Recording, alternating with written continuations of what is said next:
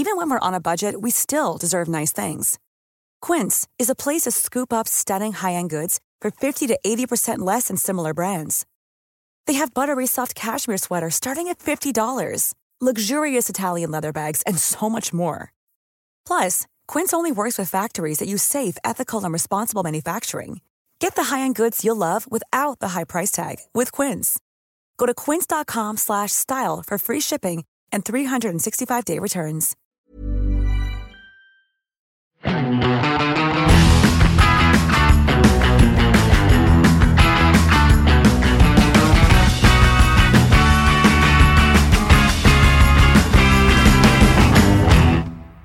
Asshole Mio, som eh, de synger i Ace Ventura 1. Eller de, han synger den med rumpa si. Stemmer det? Eh, det- det er det første jeg tenker på når jeg sitter og kjører den bilen her igjen. Range Rover. Mm -hmm. da er det den ekte Range Roveren. Den Yeah. store. Plug-in hybrid, da. Er det den ekte Range Roveren? Ja, er det den ekte? Skal det ikke være V8? For dette er ikke V8. Jeg vet ikke. Jeg, jeg har aldri vært det er, Jeg har aldri vært obsesst med at Range Roveren må ha V8, selv om den alltid har hatt, liksom, hatt det. Nei, jeg har heller aldri det. Nå Så- sitter jeg og pønsker på om kan jeg leve med en eh, L322 Range Rover med den sekssylindra dieselmotoren. Bilen som er oppnevnt og vedtatt at er kjempetreig og bråkete. Det er ikke problemet med den bilen. Problemet er at girkassa er laga av gammelt smør. Ja, Det er også et problem. Jeg kommer til å tenke på Det var en direktør i en av de store norske bilimportørene som eh, kom med en frekk kommentar da jeg kom kjørende inn med gammel Range Rover med den TD6-motoren. Mente at den bråkete veldig. Og så Ja. hadde jeg tenkt til å være frekk tilbake, men jeg kom ikke på noe, noe frekt og morsomt å si. Så det ble bare sånn he-he-he. ja. Det har, eh, det har ikke plaget meg, kan jeg si, men det har, da, da tenkte jeg på det. Den bilen her kan jeg jo ikke ha. Er det bare meg, eller er L32 plutselig blitt litt sånn kultbil? Det er blitt kultbil. Ja, det, det er veldig mye Instagram-greier med de Range Roverne nå. Ja, det er det. Så- Det er kultbil. Det er lite, for lite P38. Ja, men P38 har jo det der rattet som jeg bare klarer ikke å bevenne med det. Og det, altså, let's be honest, det er ganske stygge interiøret, er bussrattet. ja, det er ikke noe veldig Det er veldig 90s, den midtkonsollen. Ja, veldig. Og det er litt sånn, sånn- sånn slurvete slengt sammen og Den er, den er rover 90s. Ja, Altså- ja, ja, det er mer det. Ja. Ja. Altså, hadde det vært et BMW-interiør, let's be honest, fra midten av 90-tallet, så hadde det vært greit. Det, det var i hvert fall sturdy bygget og sånn. Men et rover-interiør fra midten av 90-tallet, det blir veldig 90-tallet. Ja, det, det blir veldig det. sånn, sånn posete dress med gult slips og um, Jeg tenker Coventry mens det regner. Ja, altså vi klager jo en del på nye bilinteriør. Blant annet Mercedes har litt mye plast innvendig. er jo noe vi bestandig har sutret om nå de siste, ja, i hvert fall de siste fem årene. Kanskje litt mindre enn det. Men hvis vi går tilbake og ser overgangen fra Range Rover Classic Softdash Hvis jeg skal være litt grann ekkel med bilen du har, og jeg føler jeg kan gjøre det fordi jeg har hatt en del av det sjøl òg, riktignok ikke Softdash, så må man jo si at P38 Når var det den kom? 94? Presenterte 93, kom Ja. i 94. At det var jo en logisk oppfølger. Veteranbil i år. Ja, ikke sant? Veteranbil i år, det er trivelig. Du kjører så fort at opptakeren slenger rundt deg, Marius. Ja. Du kjører roligere, det er hybrid. Bruker du opp all strømmen nå, men ok, greit. Um, så det er nok litt derfor L322, den Range Roveren som kom etterpå, BMW Range Roveren, at den er en mer klassiker fordi de tok så voldsomt mye hardere i med interiørkvaliteten på den bilen. Det er et sånn mye nicere sted å oppholde seg. ja, det er helt enig. Etter, eh, etter eh, L322 kom den som heter 405. Det er den bilen du har kjesket på og siklet på siden vi begynte denne podkasten for gode fire år siden. Ja. Og som du aldri har fått kjøpt. Du har, hatt, du har hatt noen sykt gode dealer på hånden som du ikke syns var gode nok. ja. Og du har hatt noen biler med litt rare farger på hånden som du til slutt ikke turte å kjøpe. Jeg angrer mest på at jeg ikke kjøpte den lysegrønne for eh, i 2019 eller 2018. Var Var den tannkremfarget, eller var den lyseblå? Nei, det, ja, den var sånn, sånn myntaktig. Ja, det var en en- rar farge. Jeg syns den er dritkul. Skikkelig rik, eh, rik bil. Men den er kulere nå enn den var da. Den, Ja, den jeg er litt enig i det, faktisk. Ja. Så, Men, Mm. men den den bilen den kom altså, i 2012 som 2013-modell? Ja. Eller kom den i 2013? Det var noe rundt Nei, den kom seint i 2012. Den lanserte i Afrika, hvis jeg husker riktig. Ja, det stemmer. Eh, Det er jo noe jeg av og til eh, spør andre biljournalister om. Det er jo ikke så fryktelig mange å spørre nå, for nå har jeg holdt på med dette såpass lenge at eh, nå kjenner jeg alle sammen, mer eller mindre. De som er verdt å kjenne, iallfall. Skal være så frekk. Og, men for en stund siden så pleide jeg å spørre om du, hva var den beste turen du noensinne hadde vært på som biljournalist. Og da var det flere som hadde vært med på den Range Rover-turen. Det var i um, Marokko. Hun sa at det var den råeste presseturen de noensinne hadde vært på. Lanseringen i 2013. Det kan jeg se for meg. Men det var jo da på samme måte som at eh, P38 var en logisk fortsettelse av, av Range Rover Classic, så var jo 405 i 2013 en veldig logisk fortsettelse av eh, L322. Du hadde den, en modernisert skjerm, men det lignet mye. Du hadde det elementet som vi faktisk fortsatt har i dag, med den kraftige horisontale planken, hvis vi skal kalle det, veldig kraftige maskuline horisontale linjer i bilen. Mm. Veldig klassiske, men også ganske mye pyntet opp i den nye versjonen som vi sitter i nå. Men det, det ble jo en luksusbil, og det ble jo en bil som, eh, som Jaguar Land Rover skjønte at det er jo her penga ligger. Mm. I Jaguar. Her kan vi tjene grovt. Grovt. Du, en eh, annen ting. Vi er jo begge to fan av disse bilene. Men hadde man kunnet lage denne bilen her i dag hvis ikke man lagde den rudimentære traktoren som var Range Rover på 70-tallet? Nei, jeg tror ikke den hadde hatt sånne offroad credentials. Fordi de her to bilene har jo nesten ingenting til felles. En classic og den bilen her. Ja, Sånn- men jo, men, jo OK. Uh, ok, La oss ta det først, så skal jeg motbevise tesen din etterpå. Men ja, kom igjen. Hva det de, hvorfor har de ingenting til felles? Den ene kan du ikke starte med sveiv og spyle innvendig med en uh, høytrykksspyler, og det kan du ikke med den her. Godt poeng. Jeg skrev en gang at den nye Range Roveren er ikke en bil du kaster en blød, blødende dåhjort inn i. Og det stemmer jo. Ja. Ja. Men det blir også litt urettferdig, for vi må skille mellom den første Range Roveren som kom i 73, eller var det 1970? Var det ikke 73? Den 71. 71. Ja, tidlig 70-tall iallfall.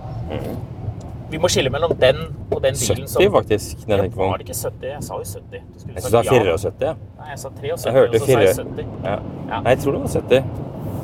Man må skille mellom den og den, det som ble Range Rover Classic.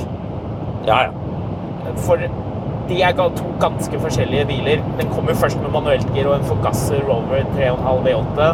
Og en slapp motor i en slapp bil med tynne hjul og må du passe på her, hvis ikke så passer bilen på foran. deg. Hvis Hva er det du driver med nå? Hvorfor skal du lukke inn det? Eh, for å gjøre det mindre støyet der inne. Jeg skjønte ikke hvorfor du ville ha oss inn i denne veldig støyete tunnelen. Eh, men realiteten er jo at ja, Harry Metcalf gjorde jo en ganske kul video for en del år siden på forskjellene på en tidlig og sein Classic. Ja, Og da blir det ganske åpenbart hvor forskjellige de to bilene er. Ja, bilen gikk gjennom et, en konseptendring. Den gikk fra å være en, eh, et mer pyntet alternativ til en Land Rover, som jo er et eh, sånn motorredskap, Mm. eh, i hvert fall på den tiden, til å bli den bilen Max Zorin kjører i hvilken film? Uh, A View to a Kill. Helt riktig. Som da er en luksusbil. Automatgir ZF eh, 4 HP Casta var det vel den fikk. Var vel firetrinns fra From the Get-Go da den, da den kom med automat. Mm. Slagvolumet ble økt til 3,9. Det kom innsprøytning etter hvert. Og til slutt eh, 4,2 var vel den største motoren du fikk. Mm. Det stemmer nok, det. Yes. Så det ble jo en helt annen bil. Det ble jo, ble jo mye mer luksusbil. Og, og det er jo det som er likheten mellom Classicen og den bilen vi sitter i nå, som er en ladbar hybrid. En kul detalj med hybriden eh, som vi kjører nå, er at den har et gigantisk batteri. Det er over eh, 30 kWt, så det er større batteri i den bilen her enn det er, en, enn det er i en første generasjon Leaf. Mm. Som er litt artig. Mm. Det er gøy. Ja, det er Det sier jo litt om utviklinga, da. Ja, det, det sier mye om utviklingen. Du, hvis du bøyer deg og ser på bilen, så ser du at den har en litt sånn kasse under på en måte, den bilen her. Så bakkeklaringen kan umulig være like god som på en, um, på en diesel Range Rover eller den Ja, det fins jo litt forskjellige bensinversjoner også. Men en ting som er artig, da, som, som taler for at det er veldig mye likt, er jo at lavgirserie er standard, og elmotoren som eh, driftes av det gigantiske batteriet, den ligger foran transferkassa. Så det betyr at du kan kjøre elektrisk i lavgirserie. Nå har jeg ikke regnet ut fra kjøpekraft og, eh, og kroneverdi, men uansett så må jo dette ha blitt mye dyrere biler enn det var opprinnelig. Ja, har det det? Jeg har ikke regnet på Det det. må det jo ha blitt. Ja, jeg tror det. Altså, segmentet er jo blitt Et annet. større. Ja, nå er jo dette her er jo et alternativ til Bentley Bentayga, til Lamborghini Urus. eh, definitivt G-klasse. Det er jo en, det er en upscale bil. Dette er jo så luksuriøst som du får en SUV, egentlig. Jeg snakket med han eh, Rolls-Royce-sjefen da jeg var i Wyoming og kjørte Rolls-Royce Cullinan på lansering da den var helt ny. Og han sa det at alle kundene deres hadde en Range Rover i garasjen. Og de måtte finne ut av hva var det kundene likte med Range Roveren, og hva var det de eh, klirrer i den. Det er i boksene som Nei, det er noe Å, det er nedi der! Jeg har noen greier i cubbyboksen i kjøleskapet. Å, ja. Ja, så ingen andre enn deg som hører det, så det går fint. Ja, hvis du kjører pent, så gjør det ikke noe. Jo, um, og en ting de fant ut at eh, Rolls-Royce-kundene, altså de som skulle kjøpe Cullinan, denne Mm. SUV-en til Rolls-Royce, en ting de skjønte at de ikke trengte, var lavgirserie. Mm. Så det har ikke den. Og den har heller ikke like awesome vadedybde. For det er nok en ting som er kult med den bilen her, spør du meg. At de ikke har fjernet de elementene. Selv den bilen her har vadedybde på 90 cm, og det er Det er eh, fem mer enn en gelendevagen Mm. i denne ladbare hybriden. Kult. Ja, det er jo kult. Det er gøy at du kan kjøre eneste jeg sitter og tenker på nå, er uh, Sam Crack, uh, som da kommer til å kjøpe en Rolls-Royce truck. Ja, truck. Ah, Det er jo ikke det der. nei, det er ikke det der. Nei. Så Ja, nei, Range Rover er, er å bli litt fett, altså. Jeg klarer ikke helt å Litt fett. Jeg, jeg, jeg vet ikke selv hvorfor jeg er så fascinert av dette her. Eh, jeg har hatt udelt eh, kjærlighet til Range Rover i hele mitt voksne liv. Kan det være fordi faren din hadde en og kjørte rundt i Botswana med den? Ja, det var ti år før jeg ble født. Jo, men ikke likevel. da. Du har sett bildet, du har hørt Jo, historien. man har, man har vokst opp med det, men, men han er jo ikke spesielt opptatt av Range Rover. Eller det greiene der i det hele tatt etterpå. Så det, men det, det er sikkert det som har pika interessen min til å begynne med. Mm. Men, men det har bare gått så sinnssykt mye lenger etter det, liksom. Mm. Når Range Rover har hatt nå? Hvor mange har du hatt? Syv eller åtte? Er det så mange? Den Ja. første Range Roveren var den L322 med den BMW. -en. Ja, to V8. klassiker. Ja, men den første var den, den V8, den, Ja. den vi kjørte over fjellet for å hente bikkja di. den som har to ganger, ja. Den som du har to ganger. Det var den første. Ja. Men du kan ikke telle den to ganger. Så en TD6 Så en TD6, og to, tre TDV8-er. tre TDV8-er, det er inkludert den du har nå, Ja. og én Classic. ja, altså den klassikeren vi eide sammen Den for 100 år Classicen vi eide sammen. Eh, Det blir seks stykker. Ja, stemmer. Jeg har hatt Bamsefar, den første Range Roveren jeg kjøpte. Ja. Nei, det var ikke den første. Den første var den vi kjøpte sammen. Du har tre, du. Men alle er klassiker. Det er litt gøy. Og den TD6-en. Og en TD6. Og en TD6. så jeg har aldri hatt uh, en eh, L322 med V8. Det vet jeg at det burde jeg skjerpe meg på. Jeg er keen på Ja, en eh, drit i å kjøpe den bensin V8. Jeg tenkte på en V8 diesel. Ja. Det er en nice bil, altså. Jeg må si jeg er så glad i min. Eh, hver gang jeg kjører den, så blir jeg overraska over hvor smooth den bilen er. Ja, det er hyggelig. Den har gått du komiske 293 000, og den er bare så digg, den bilen. 293 nå. Ja. Hvis du, kjære lytter, ser en rød L322 dure rundt i Bærum eller Oslo med rød takboks ja, Hvis du ser den noe som helst sted i Europa, så er det Marius. Ja. Så da er det bare å vinke og si hei. Det tror jeg nok er relativt presist. Oi, Ja. det sota greit av den bilen. Hva de gjorde det? Hvilken- Hva var det for noe? Ja, en eller annen gammel diesel. Men jeg tror ikke det skulle være sånn, for å si det sånn. Åh, jeg digger det når det kommer sånn unaturlig mye røyk ut av, den, ut av en bil, og du vet at den holder på å dø. Og hvis du i tillegg klarer å høre at det er rådebank, hvis det er, hvis det er ordentlig tett på at den skal, dø. Så du den? skal dø. Jaguar X-typen med X-Type? steel, steely wheelies. Stålfelger og hengefeste. Er stilig. Den- Da vet du den- at den brukes. Ja, Sjekk for øvrig patronen foran der. Så du den? jeg så den. Jeg var litt overraska over den litt sånn aggressive kjøringa rett foran oss her. Av, han bil, av den der elbilen som har mindre batteri enn det vi har i eh, Range Roveren. Ja. Ja, det er morsomt. Jeg skal ta finne, finne ut hva den bilen her koster. for fikk jeg sendt på mail. 2,5 millioner. Uh, ja, jeg tror det er det. Har du forresten lagt merke til en utrolig nice detalj med den pressebilen vi sitter i? Den er svart. Men ja, det, det er litt kjedelig, og det, det maskerer det litt, grann, den nice detaljen. Hmm. Men uh, kikk deg litt grann rundt i interiøret og se om du legger merke til det. Det er noe som bare Bentley og Rolls-Royce, meg bekjent, og Jaguar har. Det er mer eller mindre ingen tyske biler. Jeg tror ikke BMW kan levere det. Jeg har aldri sett en Mercedes med det, ei heller Audi. Det, det, er, det er sikkert noen italienske biler som, som kan ha det. Men hva er det? Jeg er veldig usikker. Eh, ja, og det er eh, Glasstak og eh, takluke? Eh, nei, det er ikke det. Hvis du ser her Ser du at det er en søm der? det- det skinn i taket. Det er skinn i taket! Ja. Og det er skinn på stolpene. Hvor nice er ikke det? Jeg, jeg holdt på å kjøpe en eh, 405 for et, det et år siden. Mhm. Eh, og den hadde skinn i taket. Og da husker jeg da Sien, Da var vår venn eh, hos Aston, vår venn hos Aston Martin var han selgeren jeg drev og forhandla litt med. da. Ja. Og han advarte meg jeg måtte kjøpe 405 med, med skinntrekk, for det kunne knirke litt. Så var vi og kikka på den bilen begge to. da, og Han, ba- han måtte jo medgi at det der var ganske fett. ja. Han, eh, han endret mening der og da. Skulle tro at eh, denne vennen av podkasten visste bedre enn å advare mot skinn. Ja, han mente at, eh, Han mente at den eh, det, det, er vel, det er vel ikke skinnskinn, det, det andre eh, Det Alcantara-taket. Mm. Det er vel kunstskinn, er det ikke det? I, Den jo, na- nappa-skinnet som er i eller Nappa-huden som er i taket. Nappa-hud, det hørtes riktig, riktig ut. det hørtes veldig rart ut. I hvilken bil da? i den eh, 405-en Du får den jo enten Og er sånn pusestoff? Ja, Ja, det er Alcantara. Det Alcantara. Altså, det der er jo litt sånn misconception, akkurat det der. Eller det blandes litt sammen. Mm. For du har jo da du har da det der mikrofiberstoffet, mm. som også eh, Alcantara er laget av. Men Alcantara er vel, var vel en slags sånn innovasjon som et eller annet firma hadde Audi. patent på. Var det Audi? Jeg mener Audi hadde iallfall alle rettighetene på, på eh, Lolcantara. Ja.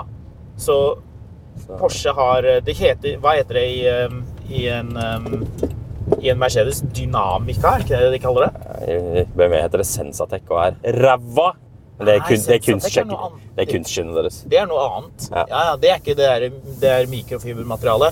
Men man blander sammen semsket skinn og Alcantara. For semsket skinn er jo, er jo huden til kuen. Ja, Og det er jo ikke det samme. det er det ikke. Nei.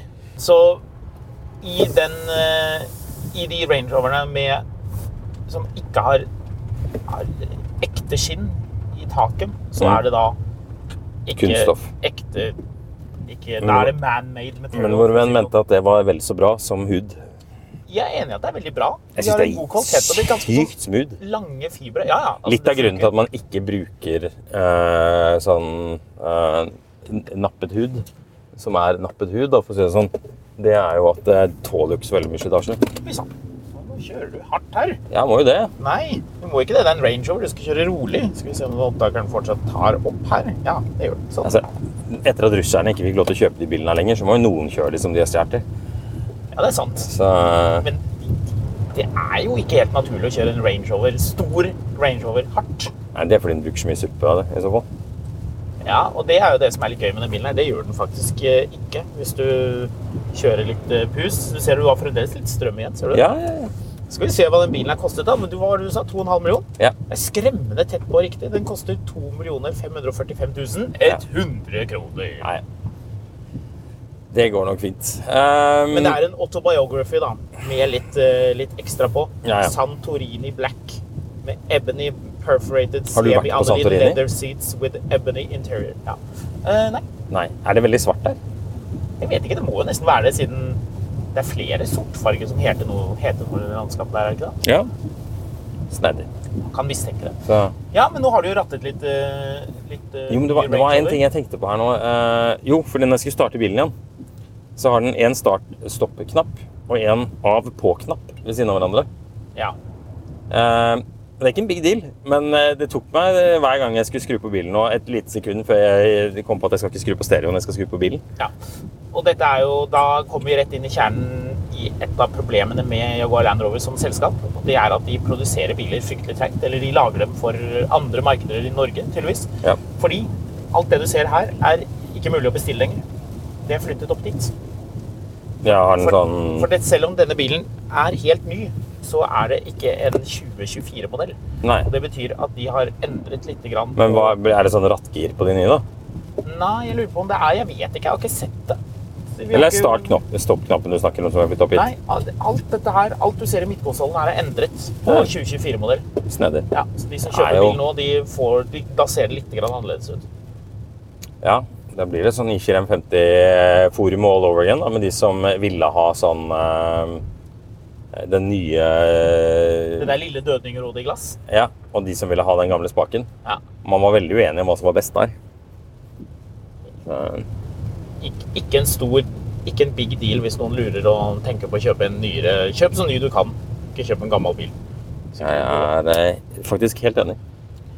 Så Og det er jo Ja. Det skal bli spennende å se hvor mye feil det er på disse bilene når de har vært på veien noen år. Det har jo vært eh, notorisk fra Range Rover at det har vært eh, problemer på hver eh, Den første batchen har liksom aldri sittet helt. Nei. Det tar litt tid å komme seg på plass. Ja. Altså, Ja. Første, første årsproduksjon av L322 i hvert fall, var jo bare basket case-virksomhet, så vidt jeg har skjønt. Det var ikke veldig god kvalitet på de bilene. Det var mye elektrisk babbel, og det var, det var mye sånne rare ting, husker jeg. Så Men det er jo kule biler, så det veier jo kanskje litt opp for det, jeg vet ikke. Jo, jeg syns definitivt det. Så. Hva er den, den beste, the greatest Range Rover of them all? Jeg vet ikke. Eh, Vet ikke. Det var et dårlig svar. Kom igjen. Ja, men jeg må tenke, jeg må tenke litt. Jeg, altså, kan jeg svare subjektivt, eller må jeg liksom gjøre dom over alle? Nei Nei, ikke sub... Jo, subjektivt. Du, du, du er jo Range Rover-eksperten, Marius. Fins det noen særlig mange som kan mer om Range Rover enn deg? Jeg har lyst på å si at jeg er ikke veldig opptatt av soft dash på Classic, så det er ikke viktig. Eh, men en sen 80-talls eh, 3,9? ja, Det som er fett med 3,5-en, er at den har de her doble pipene bak. Ja, det er får den til å se litt kul ut. Ja, men det er jo ingen som har original eksos lenger. Nei Men det er veldig hyggelig når man ser de doble pipene bak. Jeg er Ja, helt enig. det får den til å se en enda litt kul ut. Ja. Så det er jo kult. Men ehm, ja, sånn 1989 til 90 Range of Rover Classic er vel det jeg liker best, kanskje. Arden Green, eller Brooklyn Green, Ja. med Ehm, tan interior. og uh, den som heter uh, L322 TDV8. Ja. Det er for meg de to Range jeg liker aller best. Jeg har lyst til å si L322 TDV8 pre- eh, pre-facelift. Ja. For det kom jo to facelifter. Det kom en facelift, ja, det kom en facelift i 2006. Når du fikk litt smalere lykter foran, som ser mye bedre ut. Let's be honest. Det Mm. gjør de bare. Og den siste faceliften hvor de ødela lyktene foran og bak, hvor det ser sånn Lexus-lykter. De skulle modernisere den, men de visste ikke helt hvordan Det ble veldig mye det. så det LED. bare latterlig ut. Eller sånn Jeg vet ikke om det er ledd. Jo, det er LED. Og du fikk den digitale skjermen innvendig, som jo ikke egentlig er noe bedre. i det hele tatt. Nei, det visstnok så var det systemet ikke så veldig bra, fordi det, det vekker bilen hver gang du åpner og lukker døra. Eller går i nærheten med nøkkelen eller et eller annet sånt, så det bruker jo batteriet hele tiden. Ja. Så, men ja, eh, jeg tror nok det er der det er for min del. Men liksom hadde jeg hatt pengene, så hadde jeg nok sikkert dratt og kjøpt meg en flett ny Range Rover, liksom. Men hvilken motor skulle du hatt da? Det er et godt spørsmål. Er det kommet noe nytt om når disse bilene skal bli helt elektriske? Det var en stund de ikke de skulle lage de helt elektriske, men med kort rekkevidde. For det var det eneste kineserne ville ha uansett. Det tipper jeg de ikke kommer til å gjøre. Husker det du det? Det ryktes, ja, jeg husker det. Det ryktes eh, 800 volt elektrisk arkitektur. Jeg tipper den elektriske Range Roveren. Det er jo den vi sitter i nå, bare helelektrisk. Mm. Den skal fremstå helt identisk. Jeg tipper den er et ganske godt stykke unna. Men eh, det får vi jo bare se på. sånn som ting er nå, så selger visstnok Land Rover godt med vanlig Range Rover. Ja. Og da er det jo egentlig ikke noe behov for dem å haste frem noe som man kanskje ikke er så opptatt av i det store og det hele. Vi har jo pratet litt tidligere om at eh, både Mercedes og Audi backtracker litt og roer litt ned på elbilsatsingen sin. De kommer fremdeles til å satse på elbil. Det blir ikke det voldsomme fremstøtet. eller det blir også bruk av eh, pengebruk på eh, ladbare hybrider og Ja. bensin. Så jeg tipper Jaguar Land Rover ser at eh, de skal komme med en elektrisk Range Rover, men de kommer til å bruke en god del tid på den og prøve å gjøre Den så bra som overhodet mulig. Ja, jeg, jeg tipper det, hvis jeg skal gjette. Jeg tror ikke man skal gå rundt og kansellere bestillingen av bilen en bil det, her for å kjøpe den elektriske. det snakka vi kanskje ikke så mye om, men, men det som er litt sånn festlig, er at jeg tror jo at den på en måte krisen man ser med elbiler akkurat nå, eh, den, det er egentlig ganske positivt for elbiler, ikke negativt. Ja, Eh, det at kundene sier at vet du det her vil vi faktisk ikke ha, Ja. eh, det tvinger eh, produsentene til å ta det på alvor. Da. Fordi det er ikke sånn at, at kundene ikke vil ha elbil, så de skal ikke lage elbil. Det, det kommer de til å måtte gjøre hvis ikke Jim Radcliffe da, plutselig finner en måte å gjøre hydrogen så sinnssykt kompatibelt for hele verden. Liksom. Um, og hydrogen har mye for seg, det, altså, men, men problematikken med hydrogen er den samme som elbiler. Infrastrukturen for å fylle drivstoff. Uh, Så liksom Skal du ha hydrogenfyllestasjoner overalt, da? Nei, det kommer jo ikke til å bli noe av. Mm. Så, um, det, Men elbiler kommer til å bli bedre. Og det at kundene nå sier at ikke de vil ha det de blir tilbudt, det gjør at man blir tvunget til å si OK, fuck it, da må vi gjøre det bedre, da. ja. Da må vi lage biler som går lenger. ja. Det, tror jeg du, er- det tror jeg du er helt rett i. Det tror jeg faktisk er en, er en veldig god analyse. At det kanskje på sikt så er det positivt. Så jeg tror det. Altså, nå sklei det en Tesla Model Y inn foran oss, så fordelen til Tesla er på mange måter at de selger bare elbiler, så de må selge elbiler. Så de, altså, de, de, de har ikke noe alternativ heller. Hvis kundene til Tesla sier at de var bensinbil, så må de på en måte si ok, men der borte er Volkswagen, liksom. Du kan gå bort dit. Så det, det er jo litt der problemene oppstår, da, for å si det sånn. Ja, og Tesla har vært flinke og flyttet uh, terskelen for hva man krever i en elbil. Du kan, jeg tror egentlig ikke man kan komme med så fryktelig mange flere modeller, Mercedes, BMW, Audi, andre konkurrenter, Volkswagen, som ikke gjør minst det samme som det en Model Y gjør. Det er det som er standarden. Og har, tilbake til eh, BMW iX2-en vi snakket om, at det er, en, det er en kjempebra bil på mange måter. Du kan ikke komme et helt flett nytt produkt som er vesentlig dårligere når det kommer til lading og rekkevidde. Mm. Det, det, jeg tror kundene gjennomskuer det og ja, ja, innser at det er ikke det man ønsker. Ja. Ryan Reynolds here from Mint Mobile. With the price of just about everything going up during inflation, we thought we'd bring our prices down. So to help us, we brought in a reverse auctioneer, which is apparently a thing.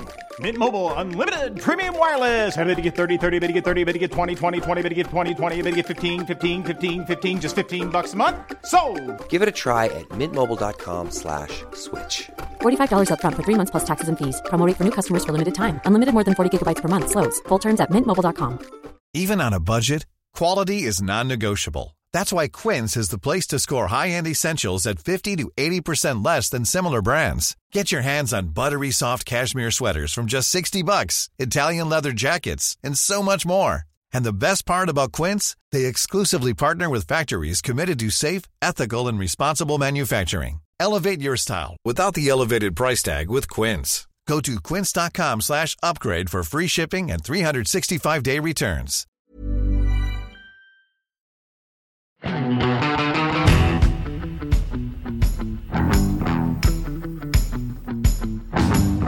Nei, jeg tror du har veldig rett i det at, uh, at elbilene kommer til å bli bedre, og at prisen kommer til å komme i hvert fall litt ned. At det vil hjelpe på, at folk vil velge.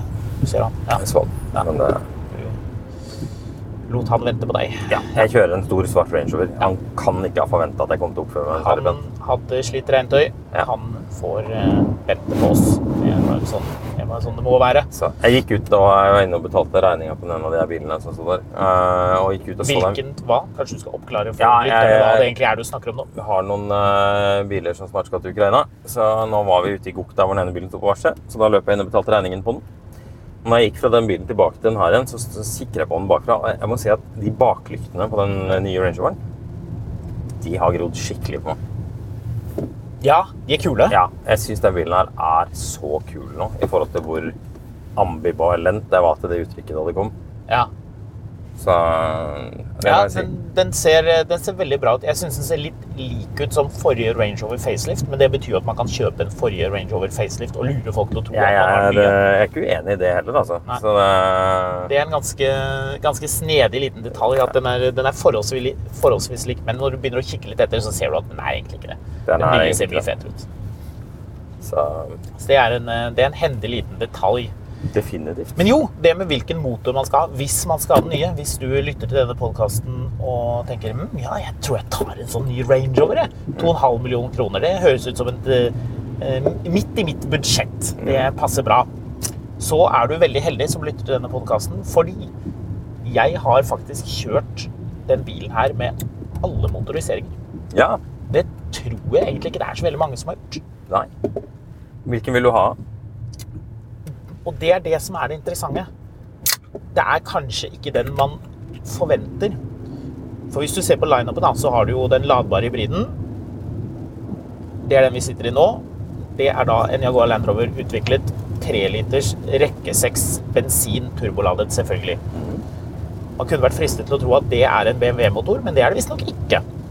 Men du får den bilen her med en 4,4 liters twin turbo V8, og det er en BMW-motor. Snedig nok. Så det kommer litt sånn full circle med at L322, som vi snakket om, hadde en 4,4 liters BMW V8, og så gikk de mange, mange år med den 5-literen til eh, Jaguar Land Rover, og man touchet innom en annen 4,4 liters V8 som ikke er fra BMW, men snarere fra Ford, som eide Jaguar Land Rover i eh, ganske mange år. Så du får da en av den nye typen den vi sitter i nå, så får du den 3 liter bensinen uten alt det hybridstæsjet. Da heter den bare P400, hvis ikke de har rukket å bytte navn på den eh, også.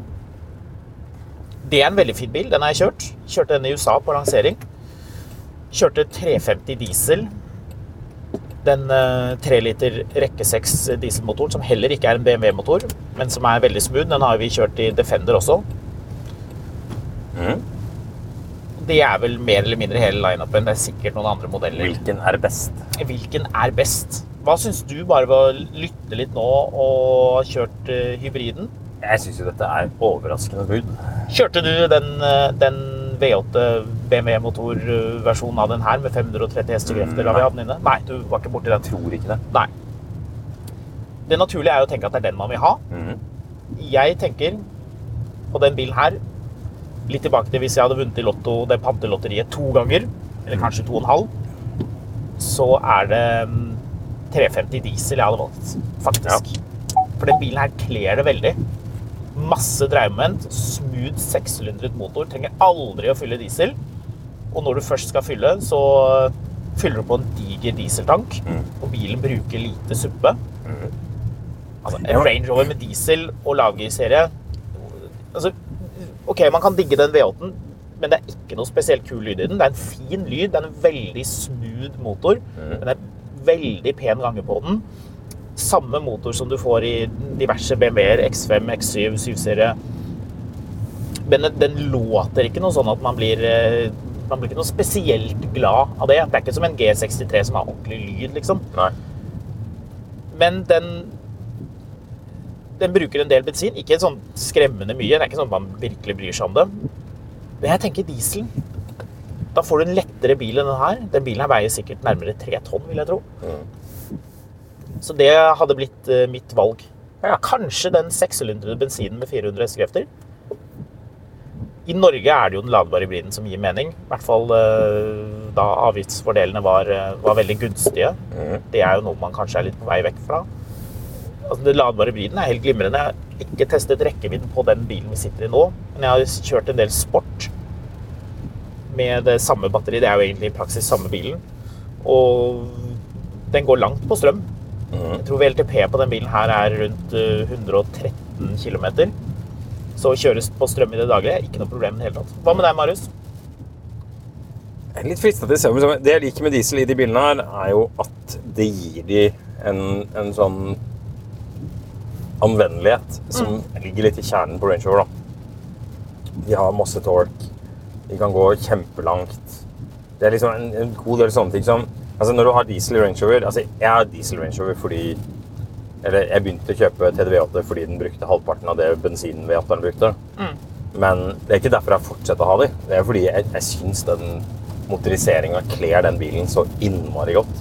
Den bare hufer av gårde når den trenger et eller annet. Og kan slepe 3,5 tonn uten at du merker at det er noe bakpå. liksom. Yes. Det er et eller annet med, med det som gjør det til noe mer enn bare et sånn jålete produkt. Og det er jo ganske jålete greier der. Ja, det er litt jålete. Selv om den bilen her er veldig sort innvendig, så er det jo, det er jo pyntet. Ja, altså jeg synes Det er jo ganske jålete. Det er det. Det er sånn finansbil der. Ja, jeg var på Frogner i stad og skulle kjøpe en sånn kanelbolle fra Samson. Er ikke det mm. bakeriet heter? Jo. 97 kroner. Ja, ja. Det koster. Da var det to sånne Range Rover Sport, den nye typen. Begge ladbare. Begge sånne damer med sånn høyt hår som kjørte. Ikke noe i veien med det. Nei, nei. Just saying. Eli Hagen eh, hadde høyt hår og hun var en ypperlig sjåfør. Ja. Ja da. Altså, med Range Rover så blir du en ypperlig sjåfør, fordi hvis du da prøver å klatre opp på en høy fortauskant, så kan du gjøre det med den bilen her uten å punktere. Det er også en ting som er litt sånn sjarmerende, syns jeg. At den, at den har det derre offroad-genet i seg fortsatt. Du har terrain response, du kan få den med låsbar diff bak. Alt er helt automatisk. Det er bare å tusle av sted ut i skauen. Dette er en bil Altså, panelene gir jo opp. Du kommer til å ødelegge bilen hvis du virkelig offroad-kjører den. Men hvis du, hvis du gir blaffen i det, eller du setter på noen rails, eller tuner den litt, grann, så er det selv den nye, selv den ladbare hybriden, er en bil du kan kjøre ordentlig heavy med i terrenget. terrenget. Det, er jo litt sånn, det blir jo litt absurd. Alle som kjører offroad, sier jo at hvis du, hvis du er på ukjent sted, og du skal, du skal ut i en elv, da, så må du egentlig måle på forhånd hvor dypt det er. For hvis du kjører for dypt, så drukner jo bilen. Da kan jo motoren begynne å ta inn vann. Jeg var på lansering av Defend, nei, ikke Defender, men Discovery 5. Dette er jo fryktelig lenge siden. da. Jeg tror det var i 2016, var det? I Skottland, i desember. Da spurte jeg en av ingeniørene om det der. Hva skjer når du kjører i ordentlig dypt vann? For det er jo en av innovasjonene uh, Land Rover har puttet på alle de nye bilene. Som, eh, som man kanskje ikke helt legger merke til, men, men du kan google sånn clamshell construction på panseret, som gjør at luftinntaket sitter sånn at det er nesten umulig å suge inn vann. For det liksom, de, de pakker seg sammen foran der, panseret. Det er en sånn smart måte å konstruere på. Man få- ser det ikke når man åpner panseret. På en vanlig også. bil så går luftinntaket rett frem. Eh, mens på de bilene her så går luftinntaket ligger oppovervendt. Mm. Så hvis du heller vann selvfølgelig ovenifra og rett ned, så vil den ta inn vann. Men det må på en måte over kanten for å komme inn i motoren. Ja, og det vil, det vil egentlig ikke. Det skal mye til å drukne en eh, Range Rover. Da må du være ganske idiot. Mm. Men å kjøre i kjempedypt vann uten å måle, det skal man egentlig, egentlig ikke. Og så ser jeg for meg at hvis du kjører en Range Rover, så er det lite trolig at du begynner å gå ut og vasse for å sjekke hvor dypt det er. Egentlig så skal man vel strengt tatt gjøre det. Hvis Mm. du er i Afrika og durer rundt, mm. så, så bør man gjøre det. Men det at, det at du kan kjøre i 90 cm dypt vann Jo, så spurte han der ingeniøren hva jeg skulle si. Hva skjer da hvis du kjører i enda dypere vann enn de 90 cm? Og så sa han det er ikke nødvendigvis det at bilen, at motoren begynner å trekke inn vann, eller at det kommer vann inn i bilen, men snarere at den begynner å flyte. Ja. Det er litt gøy, da. Ja. Antageligvis ikke hvis du har en gammel Range Rover. Da vil nok de pakningene gi seg Ja. før bilen flyter av sted Jeg tror ikke jeg har hatt en eneste L322 hvor dørpakningen har vært tette. Nei, ikke at sant. jeg måtte gjøre masse greier. Ja. Så. Så, så sånn er nå det. Men det at uh, selv de nye kan gjøre det, det er ganske sjarmerende. Har du lagt merke til en annen litt artig ting som er likt for disse bilene, og som du ser veldig tydelig på din, din Classic når du åpner panseret? At alt som er helt vesentlig, ligger veldig høyt oppi motoren. Dynamoen ligger høyt, Mm. AC-pumpen ligger høyt. Jeg tror også uh, den servopumpen ligger veldig høyt. Alt ligger rett oppi trynet ditt når du åpner panseret. Det er litt sånn sjarmerende, det er jo selvfølgelig fordi at bilen skal kunne kjøre i dypt. Dynamoen på den V8 bensin L32-en min, den var vanskelig avkjølt. Ja, det var en lukket dynamo, det. Ja. Som lå inne og ble kjølt ned av kjølvannet. Det var litt Ja. sånn snedig. Så Men ingen av de motorene hadde tørrsumpsmøring, hadde de det? Jo, det tror jeg. Hadde de det? Er du sikker? Eh, Ja, jeg vet, ikke, hva går det ut på igjen? Det er at du har en separat oljebeholder. Det brukes egentlig i to forskjellige settinger. Det ene er på løpsbiler som skal dra mye Den har i hvert fall en eller annen sånn greie sånn at den kan gå i 45 graders vinkel. Nettopp. Ja, så den har innretning. Eh, Um, Men den andre, den andre grunnen til å ha en tørrsumpsmøring er, altså, det er jo ikke noe oljepanne sånn som på absolutt alle andre biler. Nei. Men du har en separat uh, oljebeholder, og så har du da oljetrykk som, som uh, roterer rundt. Men det, for, uh, for løpsbiler så kan du da montere motoren lavere. Og du kan opprettholde oljetrykk selv når det er ekstremt mye G-krefter.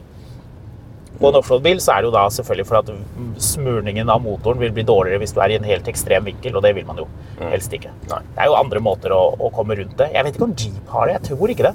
De funker jo, de offroad. Eller det. kanskje en annen lytter som vet akkurat det der. Du, vi må adressere hvorfor vi er ute og kjører en Range Rover i dag. Fordi nå er jo, går jo denne episoden rusler jo mot en slags eh, slutt. Den gjør det. Og det gjør dette podkastsamarbeidet også. Det gjør det, dessverre. Eh, Dessverre. Jeg har eh, det, det ligger ikke noe ondt blod eller dramatikk i det. Jeg har tatt en annen jobb for en annet mediehus, og da er det litt vanskelig å fortsette å lage noe innhold for én arbeidsgiver når man har gått til en annen arbeidsgiver. Så derfor så er jeg straks ferdig med denne podkasten, dessverre. Det er eh, dritkjipt, men sånn er det. Men vi ses vel rundt neste sving. Ja, eh, det er vel flere ting med deg. Jeg har nok ikke Det er ikke siste gang du snakker om bil i en podkast. Nei, eh, det er det nok ikke. Jeg vil nok Men det blir jo videre, for min del så blir det å videreføre det som en hobby. Uh, Podkast er jo deilig sånn sett. Du kan ha det som jobb, eller du kan ha det som hobby. Og jeg kommer vel til å podkaste om bil på fritiden.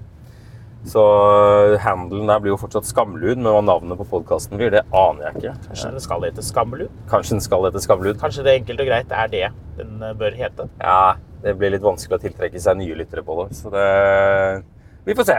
Men, eh, Kommer men nok til noe. det, så jeg er åpen for innspill på hva en sånn podkast kan inneholde. Du får en ny podkastmaker. Jeg gjør det.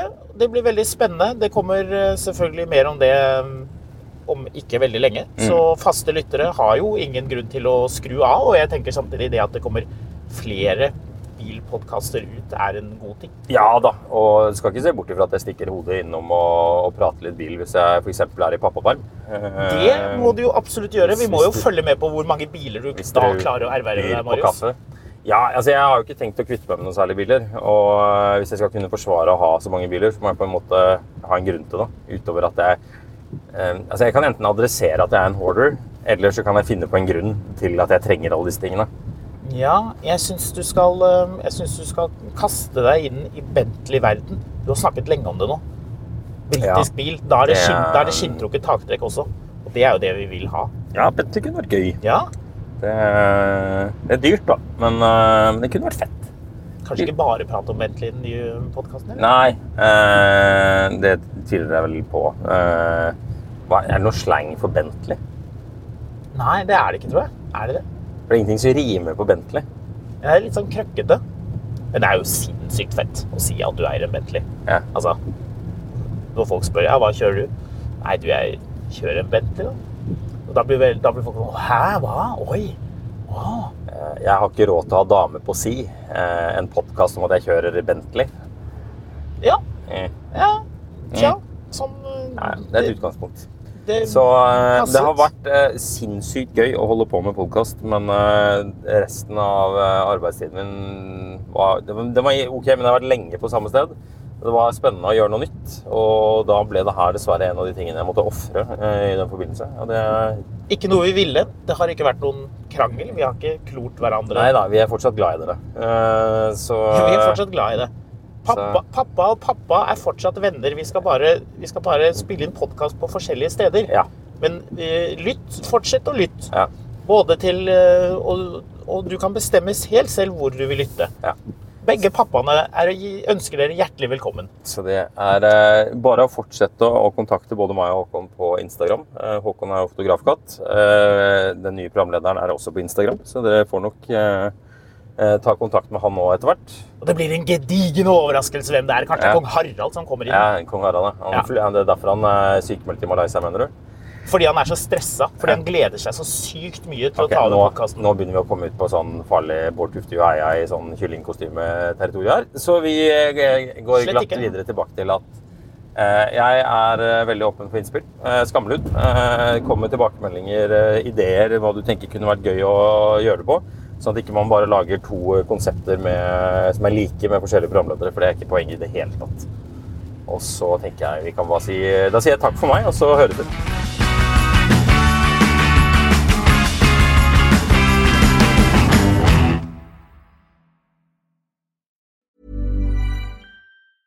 Hi, I'm Daniel, founder of Pretty Litter. Did you know cats tend to hide symptoms of sickness and pain? I learned this the hard way after losing my cat, Gingy. So I created Pretty Litter, a health monitoring litter that helps detect early signs of illness by changing colors, saving you money and potentially your cat's life. Pretty Litter is veterinarian developed, and it's the easiest way to keep tabs on your fur baby's health right at home. Go to prettylitter.com and use code ACAST for 20% off your first order and a free cat toy. Terms and conditions apply. See site for details.